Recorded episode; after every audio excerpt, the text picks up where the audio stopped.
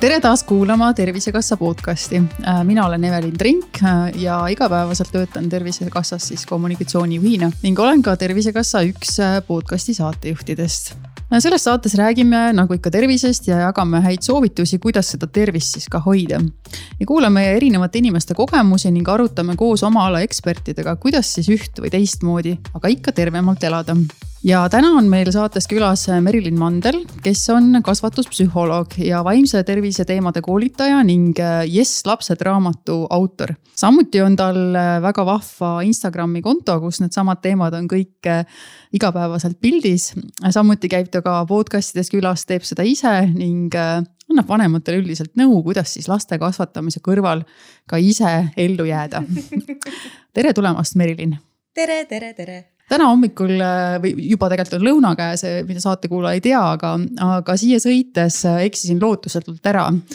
ja sain aru, et see tuleb sellest, et, et ma igapäevaselt istungi Teamsis arvuti taga, kuskil ma ei käi, kedagi ma eriti ei kohta et ähm, ja logistika osutus päris suureks väljakutseks, õnneks olid nii lahke ja ootasid mind äh, kenasti ära.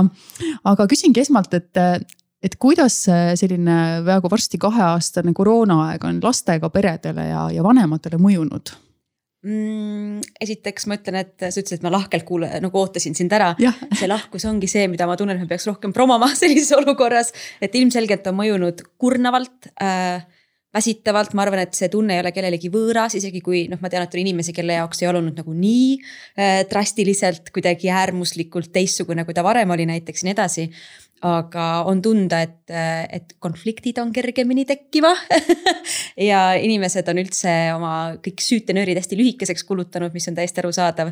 nii et, et kui ma nüüd vaatan, missugused probleemid minuni praegult jõuavad ja missugused võib-olla oleks jõudnud, ütleme kolm-neli aastat tagasi. siis äh, tegelikult on tunda, et nagu pisiasjad on rohkem hakanud kuidagi silma jääma inimestele ja nagu hõõruma neid vastu karva. aga siis... kui sa juba selle teema mhm. võtsid, et, et täiesti nagu uutmoodi on see murede pilt, mis, mis sulle avaldub, et äh, too mõni selline eluline näide, et, et kus need süütenöörid siis äh, lühikeseks lähevad ja, ja, ja milles see igapäevaelus väljendub no tegelikult on ju nii, et kuigi me oleme harjunud selle mõttega, et me oleme kollektiivsed inimesed, eks ole, kogukonnas me elame, meil on inimesed ümber kogu aeg. siis varem oli kõigil rohkem oma ruumi, rohkem oma aega. see, et meil on inimesed praegult kodudes, isegi kui ei ole pidevalt näiteks kodutöö, eks ole, et sa pead kodus justkui tööd tegema arvuti taga. siis lapsed on kergemini kodus nendest lasteaedadest ja koolidest, eks ole, et see, see pidev kontaktis olemine tegelikult on inimestele reeglina pigem kurnav kui mitte. eriti neile, kes on harjunud selle vabadusega, et mul on vähemalt need kolm-neli tundi päevas, kus ma olen mina ise teen omas tempos asju oma, omal viisil. ja, ja see pidev tundmine, et sa pead kogu aeg arvestama kellegagi, kes on sinuga samas ruumis, et see.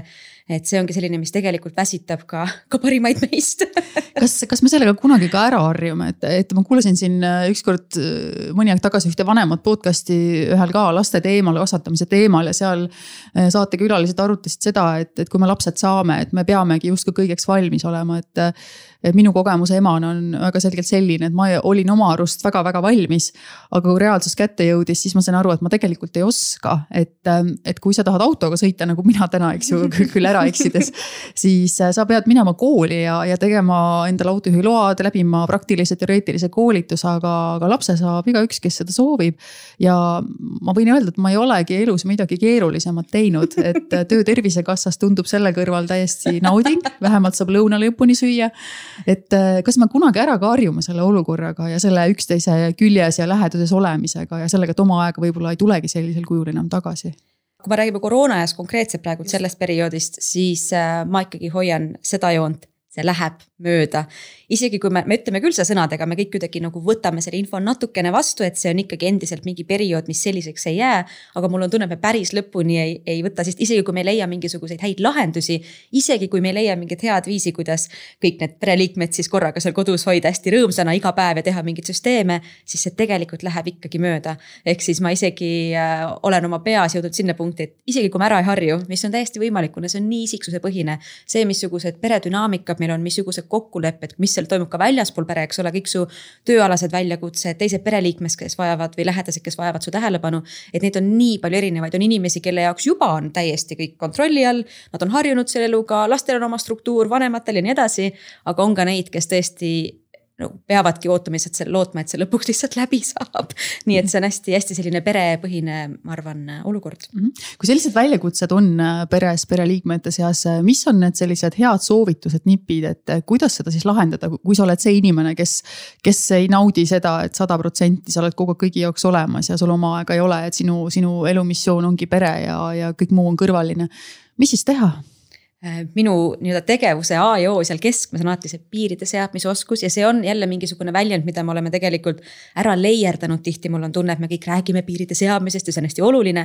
aga me tegelikult, tegelikult ikkagi ei oska seda väga hästi teha. ehk siis see, et öelda inimesele, et kuulge, ma tunnen täna, et mul on vaja natuke rohkem ruumi, mul on täna tunne, et ma tahaksin tegelikult teha sellise pausi. kas me saaksime kokku leppida selles ja selles, ehk siis tegelikult väljendada seda, mida sul vaja on, see abi küsimine ja tegelikult nagu piiride ise pakkumine ja mõistmine, et piiride pakkumine ei ole selle eesmärgiga, et ma tahan suhteid rikkuda, ma tahan olla isekas ja mis iganes. vaid nende eesmärk on suhteid hoida, teha kindlaks, et mul on endiselt meeldiv nende inimestega, kui me siia ruumi kokku tuleme. ehk siis see on see oskus, mida äh, noh, loomulikult ka väljaspool kogu seda olukorda, eks ole, me peame siin timmima ja ise harjutamas, et oma tunnete sõnastamine ja vajaduste sõnastamine. aga ma arvan, et see on üks nagu esimesi piire, et ma üldse saaks aru, mida mul vaja on ja kelle abi mul selleks vaja on, et seda nagu saavutada. et selles ei ole ju midagi kuidagi ükski inimene pole noh, jutumärkides kuidagi halb või, või imelik, kui ta tahab üksi olla selles mõttes see on hästi inimlik vajadus tegelikult. ma seda kõike mõistan, aga ma tean ka, kui aga... kui, kui, kui raske on minna teooriast praktika juurde, et kui me oleme harjunud rääkima sellest, mida keegi teine teeb ja kuidas keegi teine käitub. siis hakata iseendast rääkima, et, et, et, et üks parimaid nippe, mida mina olen saanud, et on öeldud, et räägi endast, on ju, mida mina tunnen, vajan ja tahan. ja siis tihtipeale me jõuame sinna, et kui me inimese käest küsime, mida sina tahad ei oska vastata sellele. ta ei oska vastata ja ega isegi teinekord ei oska ja see on tohutu harjutamise teema. et ja võib-olla on meile ka emadena seletatud seda, et kõik teised ongi tähtsamad, et äh, laps ongi tähtis, äh, pere ongi tähtis, kõik teised tulevad enne ja kui sa seda ütleme, ootust ei täida, siis sa oledki halb ema, sa oled läbi kukkunud, sa oled lapse jaoks halb, ta ei arene kindlasti piisavalt hästi. ta on rumalam kui tema eakaaslased ja päeva lõpuks on ta siis rimis kärulükkaja. et vanemate mure laste teemal on tihtipeale võib-olla liiga suur ja sinna unustatakse ennast ära. et, et kuidas siis seda võib-olla veel sellist hästi praktilist, et kuidas siis seda enda vajaduse etteseadmist ikkagi päriselt teha, kui ma ei ole seda mitte kunagi teinud, kui ma ärkan täna hommikul üles ja mõtlen, et mul on mõõt täis, mul on kannatus katkemas ja nagu sa ütlesid, süütenöör on lühikene. mis ma siis teen? Äh, tulen koolitusele koolitusele, siis ma tahtsin nagu sinna jõuda põhimõtteliselt küll, et jah, koolitus on hea variant, igasugused nagu infoallikad. aga mul on tunne, et see on nagu isegi juba samm kaugem sellest tundest, et ma olen väärt abi ja ma olen väärt oma piiride seadmist. et see sise nagu see sisekõne või arusaamine näiteks, et ongi, et ma ei ole halb vanem, kui ma ei naudi igat sekundit vanema rollis näiteks olemist. et ma ei ole halb vanem, see tunne, et, et ka teised vanemad ärkavad hommikuti tihti üles ja mõtlevad, et ma tahaks kõike muud täna teha, kui selles rollis olla. ehk siis mul on ikkagi minu esimene samm, mida ma olen ka proovinud teha selle eestlaste nagu projekti raames raames ongi see, et ma annan vanematele selle nii-öelda, teen ukse või akna lahti, et kuulge, teil on kõigil tegelikult või noh, mitte kõigil, see on sihuke hüperpool, eks ole, aga paljudel teist on sarnased mured, sarnased mõtted, mida te kõik nagu jälle paljud teist nagu varjavad või kuidagi tunnevad piinlikkust ja häbi nende üle. et ma olen proovinud seda nagu normaliseerida seda, et see ongi tavaline mõte ja sellega saab tegeleda ja kui ma seda olen piisavalt palju nagu niimoodi lükanud sisse ja pikkinud igapäevateemadesse. siis on ka lihtsam inimesel teha see samm, et tegelikult tõesti, ma lähen sinna koolitusele või ma loen seda raamatut, et kuidas ma saaksin iseennast aidata. mul on see julgus neid samme teha ja nii edasi, ehk siis hakkab ikkagi pihta nagu sellest enese eneseanalüüsi punktist, et kas ma arvan, et ma olen väärt sellist äh, sammu astumist üldse. no kui me vaatame põlvkondade viisi naisi, kes on äh, pidanud olemagi mehe ja, ja naise ja ema ja isa ja vanaisa rollis. kus mehi väga palju kõrval ei ole ja naise peal on olnud aastakümneid, aastasajandeid päris palju vastutust, et. et ma näen, et kasvamas on uus põlvkond, kes annab oma lapsed ka lahkema käega võib-olla isa kätte ja isad võtavad rohkem siin vastutust. et, et meil on tegelikult ju käsil päris suur kultuurimuutus, et, et see ei tule päris päris niisama, et mina olen siin neljakümnendates ja minu põlvkonna naised on veel Vene aegagi näinud ja, ja, ja mäletavad, kuidas siis koolis oli, mida siis oodati, kuidas ühiskond oli üles seatud, et ootused olid hästi kõrged ja sellest, et sinul endal on mingid vajadused, see oli tegelikult häbilugu, sa olid saamatu ja ei saanud hakkama, et. et, et, et mis, mis muutustega me praegu siis tegeleme selleks, et inimesed julgeksid abi küsida ja ei tunneks piinlikkust? no kindlasti on rohkem, rohkem kõiki neid lugusid, seda arusaamist, et meil tegelikult ei ole nagu ühiskonnas vaja inimesi eraldada mingitesse, mingite tasandite peale vastavalt sellele, missuguse sooga nad siin maailmas ringi liiguvad. küll aga ma ütlen, et me endiselt ka taastoodame neid stereotüüpe, et kui ma mõtlen näiteks nii isade kui emadepäeva peale, mis mul on väga alati kuidagi jääb mul hambusse. et emadepäeval endiselt me räägime, et emad on superkangelased, nad teevad kõik ise ära. vaata, kui imeline, et nad ohverdavad endast nii palju ja me saame lihtsalt kõrvalt vaadata, kuidas nad on imelised ja ohverdavad ennast. iga kord ma mõtlen selle peale, et aga miks me seda ikka teeme, neid emadepäeva kaarte, kus me kuidagi tunnustame seda, et keegi tõmbab ennast ribadeks. et me tunnustame seda, et keegi annabki endast kõik, kui tegelikult ju me saaks nii palju rohkemat teha, et ei peaks seda tegema, et me ei peaks. keegi meist ei pea olema superkangelane, kui me kõik oleme lihtsalt tavalised inimesed oma päris ajudega, oma päris kehadega, oma päris mingite soovide ja mõtetega, ehk siis äh, on nagu näha, et meil endiselt kestab see küll nagu huumori vormis, selliste nagu stereotüüpide taastootmine, aga siiski ta endiselt on meil ikkagi äh, noh, on, on kuidagi käegakatsutav. Aga ma arvan, et just see, et, et me tegelikult meil on rohkem võimalusi rääkida oma mõtetest ja muredest ja tunnetest, ilma et meid nüüd nagu risti lüüakse avalikult. tehakse ka seda endiselt loomulikult, aga just see julgus ja see vastuvõtlikkus, mis meil on nagu kogukonnana ja ka emade seas ise, eks ole, et.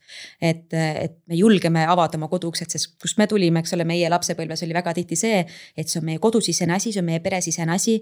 me ei räägi kellelegi, me ei noh me, see on meie asi, ära üldse võta kedagi teisse teemasse.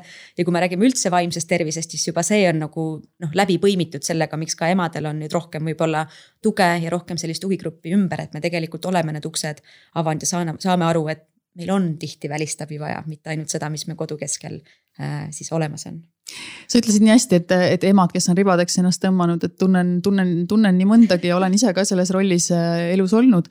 aga küsin seda, et kas, kas lapsed päriselt vajavad sellist vanemat, kes tõmbab ennast nende nimel ribadeks ja ohverdab nii-öelda kõik, kõik oma aja, energia ja kõik selle, kas see lapsele on üldse kasulik, on see mõistlik? Mina küsiks nagu niipidi vastu, et äh, kui me mõtleme, millist last me tahame kasvatada, millist elu me tahame lapsele pakkuda. me ju anname nii palju endast ära, et lapsest kasvaks nagu, ma ei tea, uudishimulik, õnnelik, reibas, enda piire seadev inimene, kes, kes oskab iseenda heaolust hoolitseda ja nii edasi. ja kui me näitame talle ette seda, kuidas me teeme vastupidist, ehk siis peaasi, et ma ei naudi midagi, ma pean kõik tegema kellegi teise nimel, ma pean pidevalt, et see on hea märk, kui ma olen sodi õhtuks, kõiges iganes. mu küsimus on, et kust ta seda õpib, et me ei saa nagu, meie sõnad ja teod on tihti nii vastupidised et kui me tahame lapsele mudeldada seda, et vot ma tahan, et sina saaksid ka elu niimoodi nautida, nagu mina naudin seda näiteks. siis ta peab kuskilt seda ette nägema ja, või noh, kuskilt kellegi pealt nagu õppima seda, et mul on nagu see error alati, et me kuidagi anname endast kõik ära, läheme siis nagu ribadeks kätte omadega, peaasi, et lapsel oleks õnnelik elu aga tegelikult ju on täiesti suur oht ja nii-öelda nagu loogiline seos sellega, et me kasvatame ka lapsest inimese, kes äh, võib-olla ei oska nii hästi piire seada ja tunneb ka, et tema ülesanne on ainult teisi teiste heaolu eest seista ja nii edasi. ehk siis mul on nagu, noh, me ise oleme endiselt inimesed, see, kui sa saad lapsevanemaks, sa ei muutu ju järsku mitte inimeseks kuidagi, et sul on endiselt oma elu ka käsil ja sa endiselt oled ka väärt seda, et sa naudid seda, sa leiad mingeid pisiasju päevas, sa puhkad, sa puhkad ja kõiki neid asju, ehk siis, et lapsevanemaks saamine ei võta sult sinu nagu isiksust ja tegelikult taustalt ära, nii et mu vastus su küsimusele on see, et lastel ei ole vaja, et me ribadeks ennast tõmbaksime, neil on vaja, et me pakuks neile kodu, kus nad tunnevad ise ennast ära ja kus nad arenevad siis inimeseks, keda, äh, kelle, kelle nad all on mugav oma elus elada ühesõnaga, et ka vanemate puhul peavad sõnad ja teod äh, ühteviisi käima. me räägime tegelikult siin justkui ikkagi päris teadlikust vanemast juba, et, mm. äh, et, et kui minna nagu sinna, kus võib-olla ema teadlikkus, äh, haridustase, võib-olla mingisugused harjumused, võib-olla mm. alkoholi tarvitamine. Enda lapsepõlve kogemused, noh, ei, ei ole kaugel need ajadki, kus noh, vits oli täiesti normaalne kasvatusvahend mm. -hmm. et, et ähm, kuidas siis nagu noh, sellised emad ka tihtipeale nagu saavad emaks lihtsalt sellepärast, et nii läks. et, et, et me nagu eeldame, et emad on jube teadlikud kõik, et ma arvan, et see on väga väike seltskond, kes on hästi teadlikud emad. et paljud emad lihtsalt said lapse ja arvavad, et ta lihtsalt kasvab siis ka mingit moodi üles, et. Et äh, nende lastega tavaliselt on kahtepidi, et kas nendega on väga palju muresid, sellepärast et nad satuvad halvale teele, hakkavad pättust tegema, varastama. on lapsi siis, kes vastupidi jälle pingutavad seda rohkem ja võib-olla siis jõuavad läbi selle mingite häireteni, et nad lihtsalt pingutavad, et, et, et siis sellest olukorrast välja saada, kus nad on lapsepõlves olnud, et. et me kuidagi oleme hästi teadlike vanemate juures, et kas sa tegeled üldse selliste inimestega, kellel on päris tõsised probleemid iseendas, endas hakkama saamisega, sotsiaalse hakkama saamisega ja läbi selle ka lastega toimetulekuga? Äh, läbi selle Jestlaste projekti ma saan hästi palju kirju seal väga paljudelt erinevalt inimeselt, loomulikult seal on nagu see standard, et inimesel peab olema näiteks nutiseade, eks mm -hmm. ole, ta peab piisavalt nagu nutipädev. et seda kasutada, Instagrami kasutada, seega loomulikult nagu seal on ka juba mingisugune nii-öelda äh, kuulajaskond, kes on valim. nagu jah, nagu, nagu valim on nagu olemas konkreetselt aga juba need lood, mis ma ka nende inimeste sees saan, siis tegelikult see, milline elukvaliteet praegult on, see ju tegelikult ei näita ka mitte midagi inimese ajus toimuva mm -hmm. kohta, eks ole. et need lood, mis ma saan äh,, tihti on ikka sellised, kes tulevadki minu juurde, et mul on see lugu, et mina olen üks neist, kes on oma last väga palju löönud. ja ma nüüd olen aru saanud, et tegelikult see on minu enda suutmatuse või noh, oskamatuse tõttu tegelikult, et ma ei oska kas iseennast suunata või teistmoodi reageerida ja ma tahan nagu seda muuta, et kust ma võiksin alustada. et neid lugusid on ka tegelikult, on neid, kellele ma olen pidanud veebi teel siis Instagramis tegema läbi vaimse tervise esmaabi äh, nagu sammud ja nii edasi ja saatma neid, oi kui palju ma saadan neid äh, kuskile nii-öelda pädeva, selles mõttes pädeva abi poole, kes tegelikult noh, nad näiteks hakkavad inimesed rääkima mulle oma kodusest murest ja tegelikult ma loen sealt välja hoopis näiteks koduvägivalla ja mis iganes muud. et neid on tegelikult hästi-hästi palju ja mul ongi tunne, et see, et me peame nagu kasvatust kuidagi justkui tegelikult eraldiseisvaks asjaks et kasvatus on see, mis toimub kuidagi lapsevanema ja lapse vahel ja on kuidagi teadlik ja piiritletud asi. see ei ole absoluutselt ju nii, kasvatus on ju kõigest läbi imbunud, eks ole, see, kui meil on nagu pilkkontakt võõra lapsega poes ja see, kuidas me reageerime tema nagu mingi tugevale tundele parasjagu, juba see on kasvatuslik akt, eks ole, ja. ja see, mis toimub nagu vanema enda vaimse tervisega ja tema lähisuhetes ja tema töö juures ja mis iganes, et see kõik on see, mis, mis tegelikult kasvatusse nagu ka ümber äh, vormub siis mingil hetkel. ehk siis, ähm, et ma ütleks, et see teadliku vanema, neid on palju ja teadlikuks vanemaks olemine ei ole ka alati lihtsam, sest et see info üleküllus ja vastandlikkus on meeletu ja selles navigeerimine tekitab nii palju süütunnet, kuna sul on alati äh, võib tekkida tunne, et ma teen midagi intuitiivselt, saan aru, et see on hea, mis ma teen. aga samas keegi kõrval teeb vastupidi ja tal on ka hea, järelikult üks neist peab vale olema et see pidev hirm, et sa libastud või oled jutumärkides kehv vanem või halb vanem. et see on ikkagi, see on ka väga teadlikel vanematel endiselt sihuke päevas võib olla väga selline suunav nii-öelda või juhtiv äh, tunne või mõte ma olen sinuga täiesti nõus, et ma arvan, et siin aitab ka siis nagu kõige muu puhul ka kogemus, et kui sul on esimene laps, on ilmselt, ilmselt see mure ja ärevus suurem, kui on teine laps, siis on natuke lihtsam ja kui kolmas on, öeldakse, et noh, viiendat ei pane tähelegi, eks ju, aga noh, tänapäeval Söö, me vii-, jah, just. et viiendani me tänapäeval väga sageli lihtsalt ei jõua, aga, aga ja emadel ongi üks-kaks last ja, ja loomulikult siis seda enam tundub, et sinna peaks panustama. ja ma olen ka väga nõus sellega, et ega see kasvatus on eeskuju, on ju, et milline sa ise oled, kuidas sa siis väärtustad ja milliseid asju sa vanemana teed igapäevaselt, et ähm.... ja see ongi okei okay,, kui lapsed tulevad ka eriilmelised selle tõttu, et meil ei olegi ühtegi paketti, mis on, et kasvatame last niimoodi, siis tuleb meil kindlasti selline laps ja selline inimene. Kõik mu lähituttavad on kohutavalt kihvtid inimesed ja täiesti erinevad ja see ongi väga okei okay,, see ongi, me ei pea kuidagi proovima eenduda sellest, sellest normaalsusest. et meil ei ole mingit juhendit, mille üle, mille alusel lapsi üles kasvatada just, just, ja siis see annab kindlasti tulemuse, et nad on edukad, tublid ja asjalikud. Eh, laps on kodupeegel, öeldakse tihtipeale või lapse suu ei, ei valeta, et igasuguseid selliseid kihvte ütlemisi on, et eh, on see sinu arvates nii mm.? Ma ei, mul ei ole ühtegi nagu head vastuargumenti ka, miks ta ei peaks nii olema, selles mõttes, et äh, laps ei ole ainult kodupeegel tihti laps ja laps võib pada ajada küll selles mõttes. aga ma olin kunagi lasteaias õpetaja mitu aastat ja siis ma äh, noh õigemini see kodupeegel on kuidagi, me alati mõtleme seda nagu negatiivses mõttes mm, mul on tunne. mina mõtlen positiivselt. väga hea, sest ma just tahtsingi öelda, et, et mulle nagu, mulle lihtsalt kangastuvad mingid lapsed kes ma saan aru, et ongi oma vanematelt võtnud kaasa tihti väga palju sihukest mõnusat mingit kelmikust ja sellist probleemi lahendusoskust ja nagu näevad nende pealt, kuidas konflikte lahendada mm -hmm. hästi kuidagi sõbralikult ja toetavalt.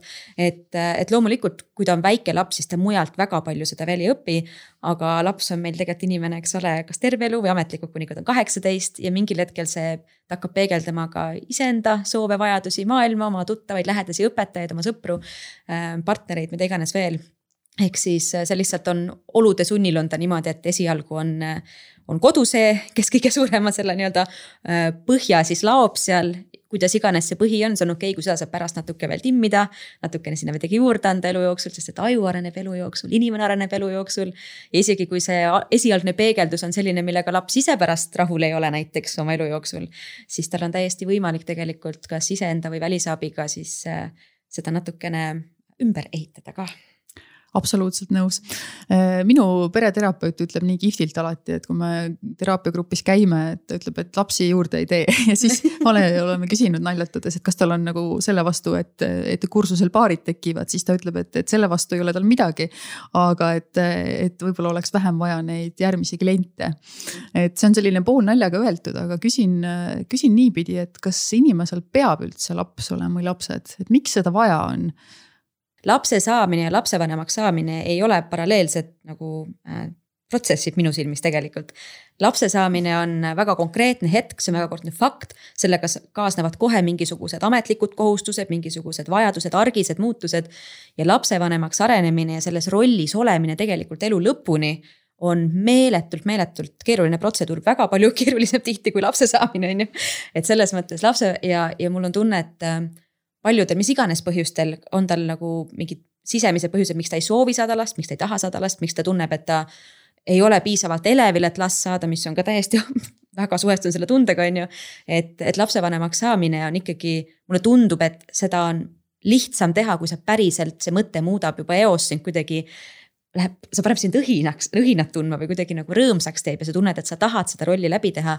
isegi kui sellega kaasnevad need tunded, kui laps on siis eh, kaheksakuune, sa oled magamata, kõik on rõve. ja siis inimesed hakkavad ikka ütlema, et ise sa ju tahtsid seda last et see, kui sa midagi ka väga-väga tahad, see on okei okay,, kui sul ikkagi vahepeal see kopa ette viskab selles mõttes või üle viskab. et, et seda ei saa kunagi tagada, et see, et keegi on väga last tahtnud, et tal see nagu, et ta nüüd nonstop ja nagu peatumatult, lakkamatult naudib igat sekundit, ükstapuha, mis muu väljakutsega elus siin samamoodi, eks ole. ja, ja laste mittetahtmine või mittesoovimine on, ma arvan, hästi hästi ilus otsus, hästi julge otsus ka meie ühiskonnas endiselt, aga ta on kindlasti väga nagu mis iganes põhjustel sa selle otsuse teed või vähemalt praegult tunned, et sa ei soovi lapsi. see on nii mõistlik, sest et see tõesti, isegi kui me räägime, et, et alati on abi olemas, alati on tugivõrgud olemas. fakt on see, et, et su elu võib täiesti pea peale pöörata, olla pööratud pea peale. ja, ja see ei pruugi olla miski, mida sa tegelikult nagu lõpuni oled tahtnud võib-olla, vaid. ma olen aru saanud, et selle mitte laste soovimisega on, on see mure, et äh, väga palju või, või julgen isegi öelda, et suur osa ühiskonnast ei mõista seda, eriti kui sa pealtnäha oled terve, tubli ja mhm. asjalik inimene, et siis eeldatakse. eriti kui sa naudid lastega koos viibimist, see on, ma olen ise avastanud, eks ole, on ju et, et, et see on tõesti väga-väga julge otsus, ma olen nõus, et see on ka väga aus otsus ja eriti selle lapse vastu kes eh, ei sünni perekonda, kus teda väga tegelikult ei oodata, et. et äh, siin on ju kaalukausid alati millegi vahel äh, valimiseks, et kas sa valid selle, et sa saad lapse hambad ristis kellegi teise pärast või siis äh,. teine asi on see, et sa teed selle otsuse julgelt, et ma seda siiski ette ei võta, teades, et see laps võib-olla jah, sa armastad teda, aga ta ei ole nii oodatud, kui ta võiks. ma ise sooviks, et lapsed oleksid siia maailma oodatud, et see annab, annab vanemale kindlasti palju rohkem jõudu, kui ta on seda vastu tahtmist teinud. aga me oleme ju neid teemasid siin ühiskonnas korduvalt näinud, et äh, naine, kellel lapsi ei ole, ei ole ju ka midagi väärt, eks ju. et kuidas sa ise selle teemaga suhestud, ma tean, et sul lapsi ei ole ja, ja see on hästi huvitav alati diskussioon, sellepärast et kui hakata siis päriselt nagu nende äh, väidete taha nagu minema ja piiluma, siis loomulikult need peegeldavad selle ütleja iseenda nagu suhtumist lapse saamisesse ja lapsevanemlusse, eks ole. Need on väga vähe seotud selle teise inimesega, kellel lapsi ei ole. et nad ise tundsid, et nende elu muutus nii palju kuidagi mõtestatumaks võib-olla ja nad hakkasid järsku tundma mingit vastutustunnet, mida nad võib-olla varem ei olnud sellises vormis kogenud, mis annab neile kuidagi mingi noh, nagu jõu igapäevaselt ja, ja toob neid välja raskustest ja see on kõik mega kihvt, et see niimoodi niimoodi toimib neil. aga see peegeldabki nende enda suhtumist sellesse ja sellesse nagu iseenda väärtuse hindamisse inimesena. et minul näiteks ei ole probleemi tunda, et tõsiasi, et mul lapsi ei ole, et ma oleksin seetõttu kuidagi isegi kui ma ei teeks mitte midagi sellist, mida ma täna praegult igapäevaselt teen, kui ma teeksin midagi sellist, mis on ainult mulle endale, ainult mina naudin seda, ma teen päev otsa, vaatan telksi, söön viinereid, jumala fine. isegi siis ma ei tunneks, et ma olen vähem väärtuslik, kuna mul pole lapsi ehk siis see minu jaoks ei ole üldse nagu läbi põimitud minu isiksusega. ja, ja ma täitsa noh, olles, ka teiste inimestega rääkinud, kellel lapsi pole, kes lapsi soovigi. et siis on kuidagi ka läbiv joon, et, et me noh oledki nii palju mõelnud selle peale, sul on olnud aega väga palju mõelda, kuna sul pole lapsi. Just, et aega on väga palju rohkem istuda diivanil, mõtiskleda vaikuses võib-olla ja jõuadki sinna punkti, et hakkad iseennast nagu võib-olla ka teise nurga alt vaatama ja see ei tähenda, et need teised inimesed oleks võib-olla teistmoodi otsustanud, et inimesed ju saavad, mõtlevad läbi, saavad aru, et ei, endiselt ma oleks sama otsuse teinud, mega äge. aga paljud mõtlevad seda mingil hetkel läbi ja saavad aru, et ma vist tegelikult oleks teinud teistsuguse otsuse. et ma saan ka neid kirju tegelikult väga palju ja see on mm. osa ja ma saan täitsa hästi aru, miks need inimesed avalikult kuskilt seda ei maini või isegi sõpradele ei julge öelda. et nad tegelikult kas kahetsevad otsust või nii-öelda nagu armastan neid lapsi südames, kõik on väga äge, aga ma oleks arvatavasti teades kõike, mida ma nüüd tean teinud võib-olla teistsuguse otsuse. ja see on nii mõistlik kahetsus ka, sest me kahetseme elus niikuinii igasuguseid asju et me kahetseme mis iganes sammu, otsuseid, et see ei ole ka, see ei näita, et see otsus on nagu vale olnud. vaid lihtsalt konstateerime fakti, et inimesed kahetsevadki mingisuguseid, mingisuguseid hetki oma elus ja.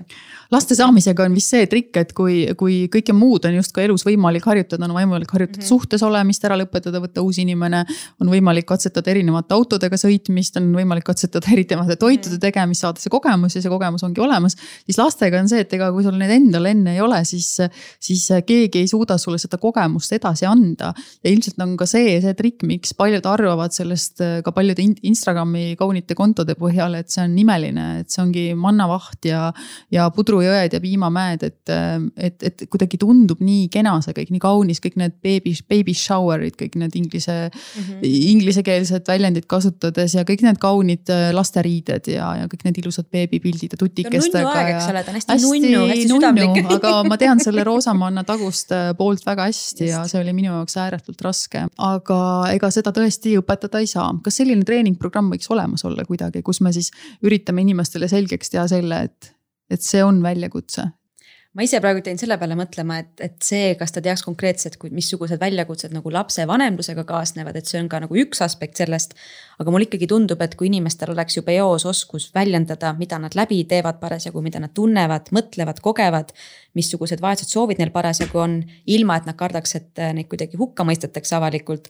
et siis juba see on oskus omaette, ma arvan, see on nagu selle nagu põhjaks, selle põhjaks, et me oskaks nagu ette valmistada ka lapsevanemaks, tegelikult isegi kui me ette valmistame, eks ole, isegi kui me räägime, noh, mul on näiteks eestlaste jälgijate seas väga palju inimesi, kellel veel ei ole lapsi.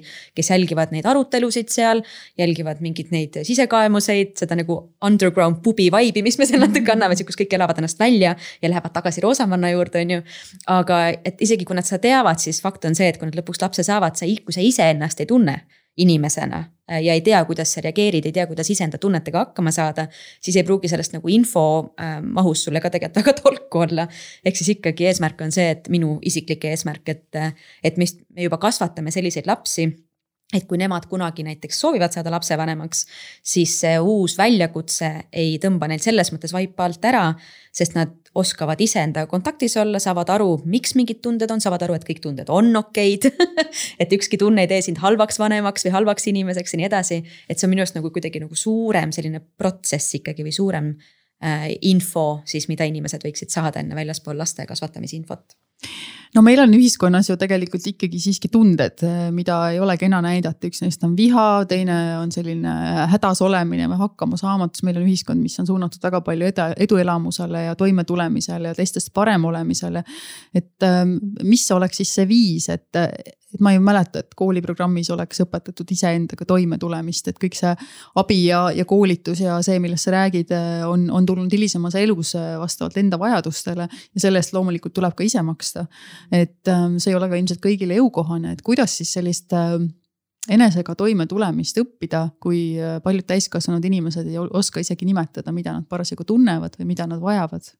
ma arvan, et see on selles mõttes huvitav nagu jälle vaatevinkel, et ähm, need lapsed, keda me praegu kasvatame, nemad moodustavadki meie uue ühiskonna, eks ole. et, et meie vanad kännud siin mingil hetkel hakkame ikkagi pigem vaikseks jääma siin meie ühiskonnas ma ei kavatse ka, aga teoorias no, küll. natukene küll, et nad tulevad peale suure lainena ja nad kasvavad tegelikult juba hoopis teistsuguseks, noh, mitte hoopis teistsuguseks inimeseks, kui meie oleme. aga neil juba on nagu hoopis teistsugune infopagas käsid, käsid nagu Äh, siis kasutamiseks, kui, kui meil on olnud nii, et, et ja tulevad uued õpetajad peale, kes on juba kasvanud selle uue laadiga, tulevad mingid uued inimesed, kes. noored, ma tean ise mingid siuksed kuueteistaastased, nende jaoks juba ei ole probleem rääkida, et aa jaa, mu terapeut ütles mulle eile seda, seda, seda. see ongi nende jaoks juba mingi normaalsus, mida me võib-olla kõrvalt ei oskagi nii väga nagu märgata või kuidagi aimata. et see, missugune nagu infovahetus nende enda vahel nagu omavahel käib, on hoopis teistsugune ja loomulikult ideaal on see, et meil on mingid koolid, meil on lasteaiad, meil on lapsevanemad, kes kõik kõik oskavad seda materjali pakkuda teadlikult neile mingite projektide najal või, või mingite materjalide najal ja ise mudeldades on ju nii edasi. aga fakt on see, et, et nad tegelikult saavad ka seda infi ise juba väga palju rohkem, kui meie neile võib-olla isegi suudame pakkuda teadlikult. ja kui nemad on lõpuks saanud nagu ühiskonna keskmeks, selleks nagu kõige suuremaks pundiks sellest ühiskonnast, siis tegelikult ongi need muutused juba ise ka äh, ees, et see, et me nagu kuidagi tihti on see argument, et ei, lapsed peavadki õppima, kuidas tulla toime hästi stressirohke eluga, sest et ühiskond on selline, nad peavad õppima saama hakkama ühiskonnas nemad moodustavad ühiskonna, miks me surume enda mingisuguseid möödapanekuid neile peale. las nad teevad ise sellise, nagu neil mugav on ja tervislik on olla, et, et see tegelikult on ju nende valik ja nende võimalus praegult. eks me sellepärast surume, et me ise muud moodi ju no, ju, ju ei oska. mis on äh, aastate jooksul sinu sellised kõige paremad äh, nagu taipamised või, või nipid või mõttekohad, mida sa oled äh,, oled oma pagasisse korjanud ja mida, mida on sul alati nagu varnast võtta vanematele, kes, kes ei, ei tule toime või, või ka lihtsalt igapäevaelu lihtsamaks tegemiseks, et. et või on, annad sa ka lastele mingisuguseid soovitusi, et, et oleks see elu ilusam, lihtsam ja, ja värvilisem? Äh, no ma viin ka noortele läbi igasuguseid vaimse tervise koolitusi näiteks ja sellist äh, et seda nagu julgust annan ma neile küll enda arust ja seda just seda julgust öelda, mida nad vajavad, mida tunnevad, mõtlevad. et see on nüüd üks suund, mis on ka sihuke alates kolmteist edasi, mida ma tegelikult saan teha, kuna noh, nooremate lastega on väga raske neile mingit nagu sõnalist pagasit anda, ilma et ma ise seda ette näitaks kogu aeg või niimoodi püsivalt. aga vanematele, mul on tunne, et üks asi, mis, mis paljudel koolitustel ka kuidagi õhku jääb, mis neid tundub aitavat sel hetkel või aitab neil kuidagi iseenda argipäeva mõtestada.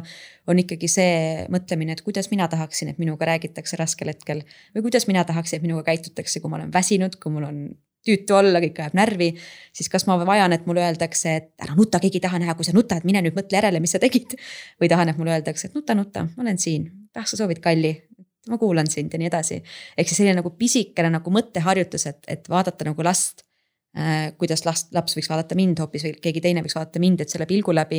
see tundub võib-olla ka sihuke banaalne harjutus, sest et noh, jälle, kui raske hetk käes on, siis see väga tihti ei tule, see pähe.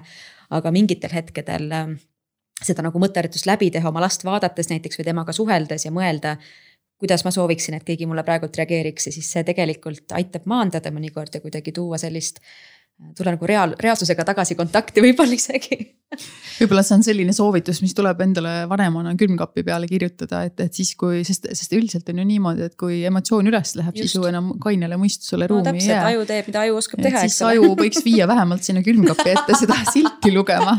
et, et see aitaks siis sellel hetkel võib-olla, võib-olla üle, et aga, aga on sul veel mõni selline? ja mul on lauseid võtta hästi palju, mis ma, no, mul on, minu mõte on ju see, miks ma seda eestlapsi niimoodi teen, nagu ma teen. et ongi see, et me võime rääkida teooriast väga palju, no jumal, kõik need vanemad noogutavad ju kaasa, kes tulevad juurde lõpuks nagu probleemidega ka.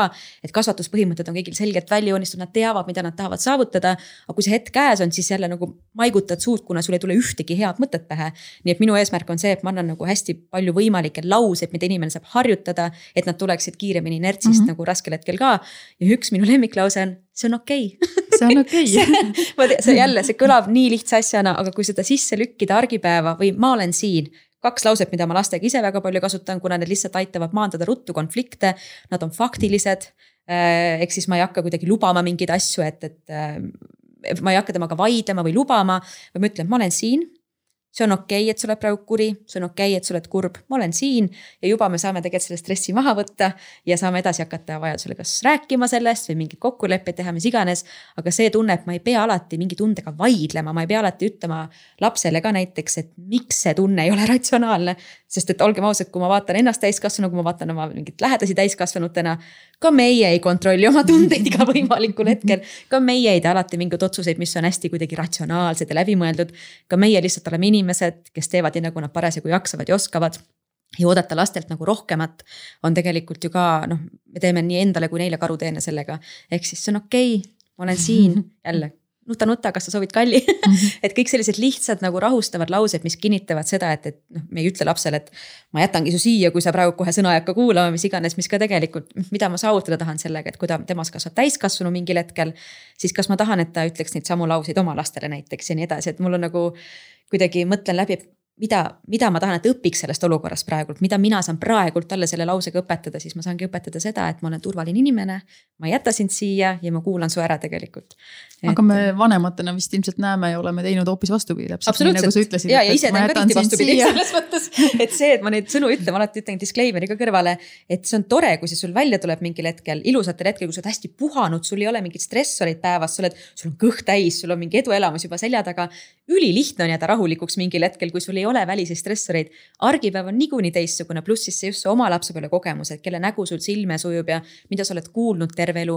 ja see on okei okay,, kui need laused, see on okei okay, kui need laused ka tulevad sul pidevalt nagu minu jaoks oluline ja kõrva, kõva nagu samm on juba see kui sa nagu mõtledki enda jaoks juba läbi, et mida ma selle lausega tegelikult saavutada tahan, et mis on selle lause eesmärk praegult sellel hetkel ja võib-olla takkajärgi timmida, et muuseas ütlesin sulle niimoodi.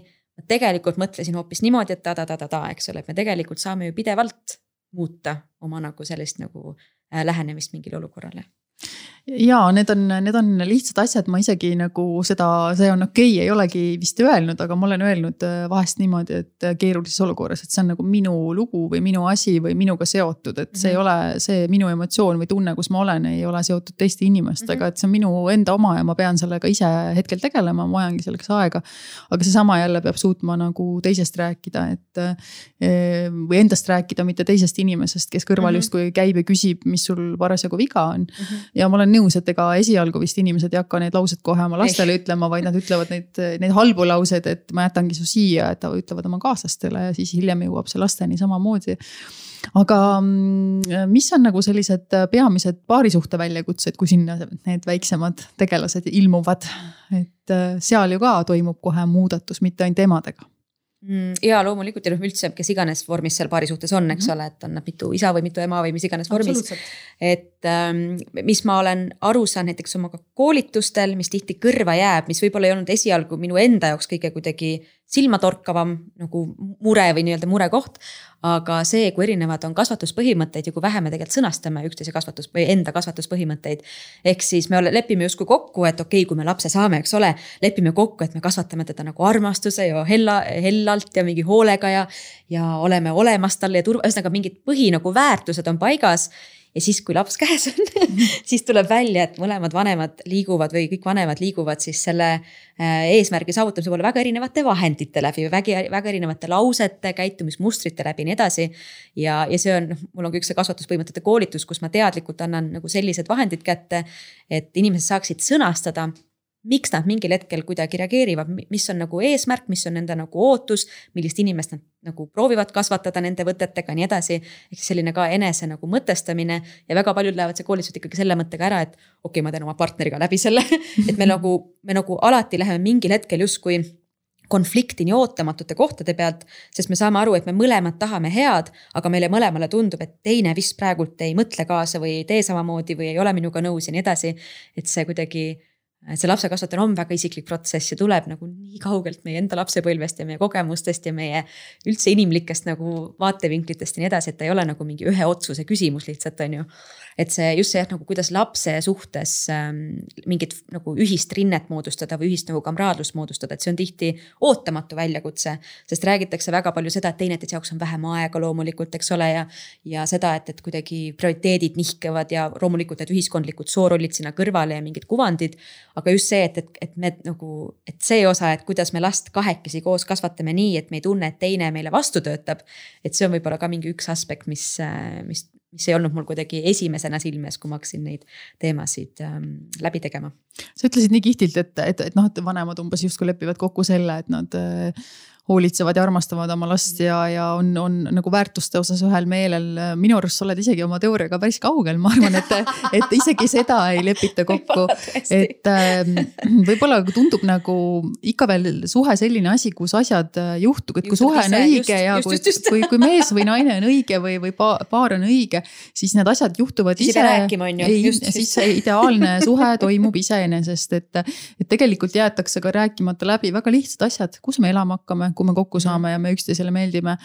kas me abiellume? mis finantsotsuseid me teeme? mis finantsotsuseid me teeme, kuhu me investeerime, kuidas me kulutame, et kas mhm. see naine kulutab kõik oma raha riiete ja, ja kosmeetika peale või, või investeerib ta või maksab ta mingeid arveid mm. -hmm. kõik need teemad jäetakse läbi rääkimata, kasvõi elementaarne asi, kuidas, kui palju seksuaalelu keegi vajab, et jäetakse sellised nagu elupõhilised teemad rääkimata, mis toitu keegi eelistab, kas, kas, kas keegi on üldse nõus süüa kodus tegema. kuidas, ta annab märku, kui ta tahab üksinda olla, kas me lepime sellega, nii edasi. kuidas kodutööd jaotatakse mm, -hmm. kes neid üldse teeb või hakkab koristaja käima või teeb ainult naine või, või, või kas on keegi kodus, et, et isegi kõige need elementaarsemad ähm, argiasjad jäetakse selles armuleegis kokku leppimata ja siis imestatakse kahe aasta pärast, et miks nagu kõik viltu on vedanud.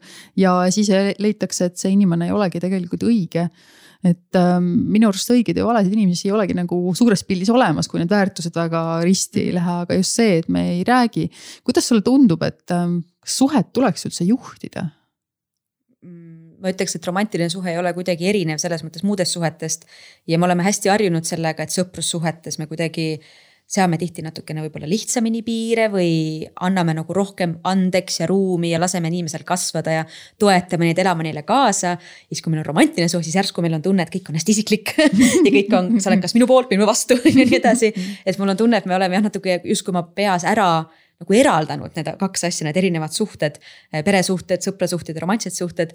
Eh, ma arvan, loomulikult neid peab juhtima ja mitte selles mõttes juhtima, et teha teisest inimesest siis vormima teda mis iganes viisil, vaid juhtima just iseennast ka seal suhtes olles ja väljendama iseennast ja, ja andma märku, mis mulle sobib, mis mulle ei sobi, mis on mingi kompromissi võimalus. sest sa oled selle inimesega väga palju koos ninapidi, olgu ta sinu nagu partner romantilises mõttes või lihtsalt su, ma ei tea, korterikaaslane. igal, igal hetkel on tegelikult ju loogiline, et, et inimesed ei loe meie mõtteid, nad ei tea meie varasemaid kogemusi kohe, nad ei tegelikult ja isegi kui me ise oleme kõik justkui välja öelnud, siis meil tulevad ikka esile mingid reaktsioonid, passiiv-agressiivsed, mingid tunded ja mida iganes veel tõsiasi, et me proovime kuidagi teeselda, et mul neid ei ole ja ma arvan, et kuna see inim-, kuna, kuna, kuna ta inimene väga mulle meeldib, siis järelikult ei teki neid ka, siis tegelikult inimesed endiselt lihtsalt on inimesed. isegi siis, kui sa tunned mingeid endorfiine oma peas, iganes veel, siis tegelikult äh, sa ei saa oma kogemust kuidagi ära nullida varasemalt, et. et ja tuleb juhtida äh, ja juhtida austavalt, lahkelt ja olla ka valmis selleks, et väga okei okay on minna ka lahku et ma tean, et praegult siin räägitakse väga palju seda, et inimesed justkui lähevad liiga, liiga kergelt lahku. et vanasti ikka inimesed elasid tead õnnelikult kuuskümmend aastat ja minu mõte on see, et mhm, aga ma arvan, et kaasaegselt enam isegi ei pea vaatama äh, suhte pikkust ja võrdsustama seda kvaliteediga. vaid seda, kui hästi mõlemad inimesed tunnevad ennast vastuvõetuna seal suhtes ja, ja et see, see suhte pikkus ei ole seotud ühesõnaga nagu eesmärkidega tegelikult alati täiesti mööda läksin vastust praegu, okei okay. see on okei okay. mul, mul juba vaikselt jääb ka meelde, et see on täiesti okei okay.. ma lihtsalt äh, seda suhete teemat äh, torgin äh, sellepärast, et aeg-ajalt jälle, kui me lapsevanema rolli läheme, siis meile tundub, et see laps on A ja O ja sellest koosnebki suhe, et minu arusaam elatud elu jooksul on see, et paarisuhe on vundament, et kui seda seal all ei ole, et siis ei ole lapsel ka kuhugi toetuda, et ta üksi ka ei lenda.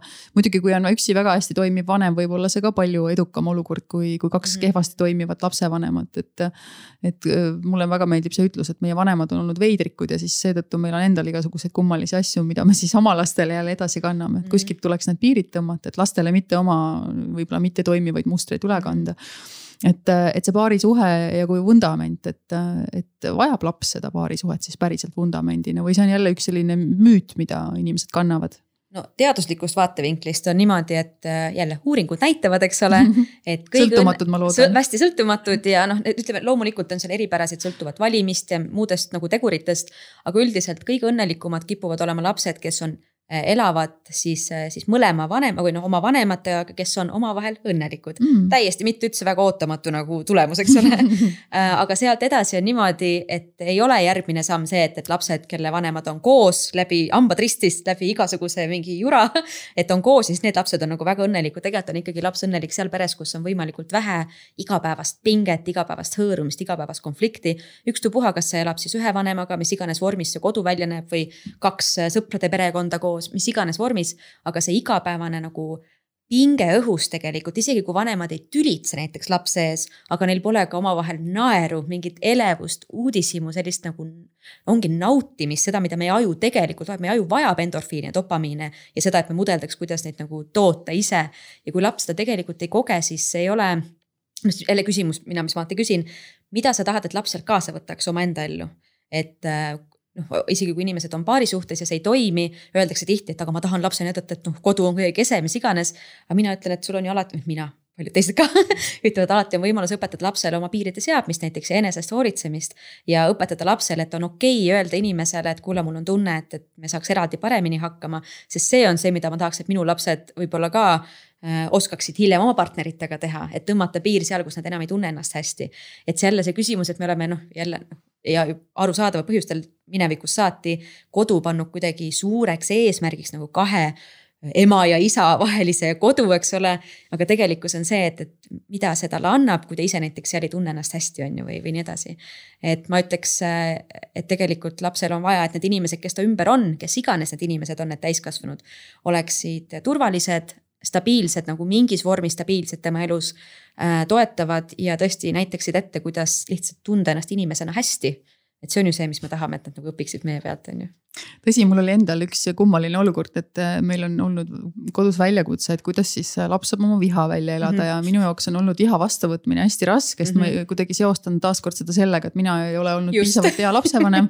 sellepärast, et laps tunneb viha ja siis ma olen õpetanud, et noh, et viha ikkagi on okei okay,, olen enda viha aktsepteerinud ja tegelenud sellega, see on olnud päris raske tee mm -hmm. ja mhm. see kestab veel oh,. et, et, et aga ta on omale mõningad sellised toimetulemise mehhanismid saanud, ta kasutab neid aga ükskord see kestis päris pikalt ja siis ma koputasin vaikselt uksele, küsisin, mis lahti on. Ja siis ta küsis mu käest, et kas vihane enam ka olla ei või. ma ütlesin, võib küll, see on okei, no mitte okei okay,, aga yeah, võib küll. ja loomulikult võib vihane olla ja panin ukse kinni ja siis ta jätkas oma vihatsemist ja, ja mõne aja pärast oli kõik klaar. aga väga raske on selliste tugevate emotsioonidega toime tulla ja ma olen äh, võib-olla vanemana leidnud selle ühe nipi enda jaoks, et, et, et noh, mis see hea vanemlus siis on, et äh, minu kõige suurem siis filosoofiline järeldus on siin see, et sina vanemana pead endaga ise väga hästi hakkama saama. ja kui sa seda teed, oled ise oma tassi täis hoidnud, nagu sa ütlesid, söönud, maganud, eks mm -hmm. ju, tegelenud sellega, et sul on mõned eduelamused elus või töös või eraelus siis, äh, siis vallandub sealt selline tore rõõm ja energia, mis äh, iseenesest nagu noh, energia ei kao ju kuhugi, kandub ühelt kehalt teisele, et see füüsika energiajäävuse seadus kehtib ka inimsuhetes, et see energia nakatab, eks ju. et, et see kandub temale ka ja siis ta tuleb selliste väga huvitavate üteluste, mõtte mõttevälgatustega välja, mis toodavad omakorda jälle väga palju naeru ja see kuidagi hakkab ringlema. et, et, et ma saan aru, et, et see vanemluse teema on väga selgelt seotud sellega, et, et seesama, millest me alustasime, hoia iseennast oma, oma tassi täis, iseennast tasakaalus ja siis sul on võimalik anda sinna ka, kui teine seal tusatseb oma toas ja võib-olla peksab seal vaikselt patja. et siis on võimalik sellele olukorrale rahulikult reageerida ja selle oma tassi nagu täishoidmisega muidugi noh, seal on nii palju põhjuseid, eks ole, miks see ei ole üldse paljudele kättesaadav asi, mida teha. Äh, sul on logistika, olmeelu, äh, tugivõrgu puudulikkus, kõik need nagu ene, enesega pahuks olemas, et mingid lähisuhted on võib-olla, ei ole väga turvalised või toetavad. et on nii palju põhjuseid, miks vanemad ei, ei saa seda tassi täita sellise, mis iganes see nende jaoks tähendab ja, ja mul on tunne, et ma, ma olen kõige nõus, mis sa räägid, ma lihtsalt lisan siia veel selle ka, selle mõtte, et see on ka okei okay,, kui see ei tule absoluutselt sul välja, see on okei okay,, kui sa saadki aru, et appi ma nagu ärritun iga kord, kui tema ärritub, sest ma võtan isiklikult seda. ma saan aru, et mul ei olegi jaksu, ma olengi magamata, ma olen väsinud ja see kõik on nagu hästi raske on ja rusuv on. ja mõnikord aitabki tegelikult juba see, kui me ka seda tegelikult väljendame. et kui me väljendame, olgu siis ma ei tea partnerile või ka lapsele tihti, ma ise õpetajana tegin seda küll, et kui ma olin ikka väga kehvalt maganud ja ma tundsin hommikust saati, et see päev läheb kohe täiesti pange et siis ma kannan lastele märku, et kuulge, ma hoiatan juba ette, et ma vabandan takkajärgi ka loomulikult, aga ma täna ärritun kergemini kui muidu. et te teete arvatavasti kõik jumala okeid, lihtsalt mina ise olen täna kuidagi siukse nõrga närvikavaga. ja, ja mul on tunne, et ka selle väljendamine, et praegult on rõve periood endale ütlemine, et ma ei ole halb vanem, kui mu laps neli päeva tatart sööb järjest, sest et ma lihtsalt ei jõua, ma ei saa midagi muud ja nii edasi. et see, see lahke olemise punkt seal, et kui ei tule välja see enda tassi hoidmine või täis, täis hoidmine. ja iseenda nagu parendamine kogu aeg ja, ja piiride seadmine, mis iganes. et see on ikkagi okei okay,, sest sa oled endiselt lihtsalt inimene, kellel lihtsalt on elu praegu käsil mis iganes perioodis see eluhetkel omadega on et see on ka see eneselahkus sinna kõrvale, kui, kui ei ole seda võimalik äh, teistmoodi teha. et mõttetera on siis, et ole endaga lahke e,. huvitav on see, et me tegelikult kardame tihtipeale välja öelda sedasama, mida sa just rääkisid, et me kardame, et lapsed ei tule selle asjaga toime, et enda kogemusest võin tuua näite, kus äh, laps tuli üks päev koolist ja ütles, et üks õpetaja oli väga kurb, et tal oli äh, keegi lähedane ära surnud ja ta oli öelnud seda, et ma olen täna sellepärast kurb. ja, ja laps tuli koolis sellise kaasatundva olekuga, et tal oli õpetaja õpetajast kahju ja ta ütleski, et, et, et ma olen ka natuke kurb praegu, et õpetaja oli kurb. et me kardame tihtipeale öelda, arvates, et inimesed reageerivad kuidagi negatiivselt, aga tegelikult üllatus on see, et tihtipeale inimesed on väga mõistvad, isegi kui nad on nii külmad ja tuimad nagu pealtnäha eestlasi nimetatakse. Et inimesed tulevad emotsiooniga kaasa.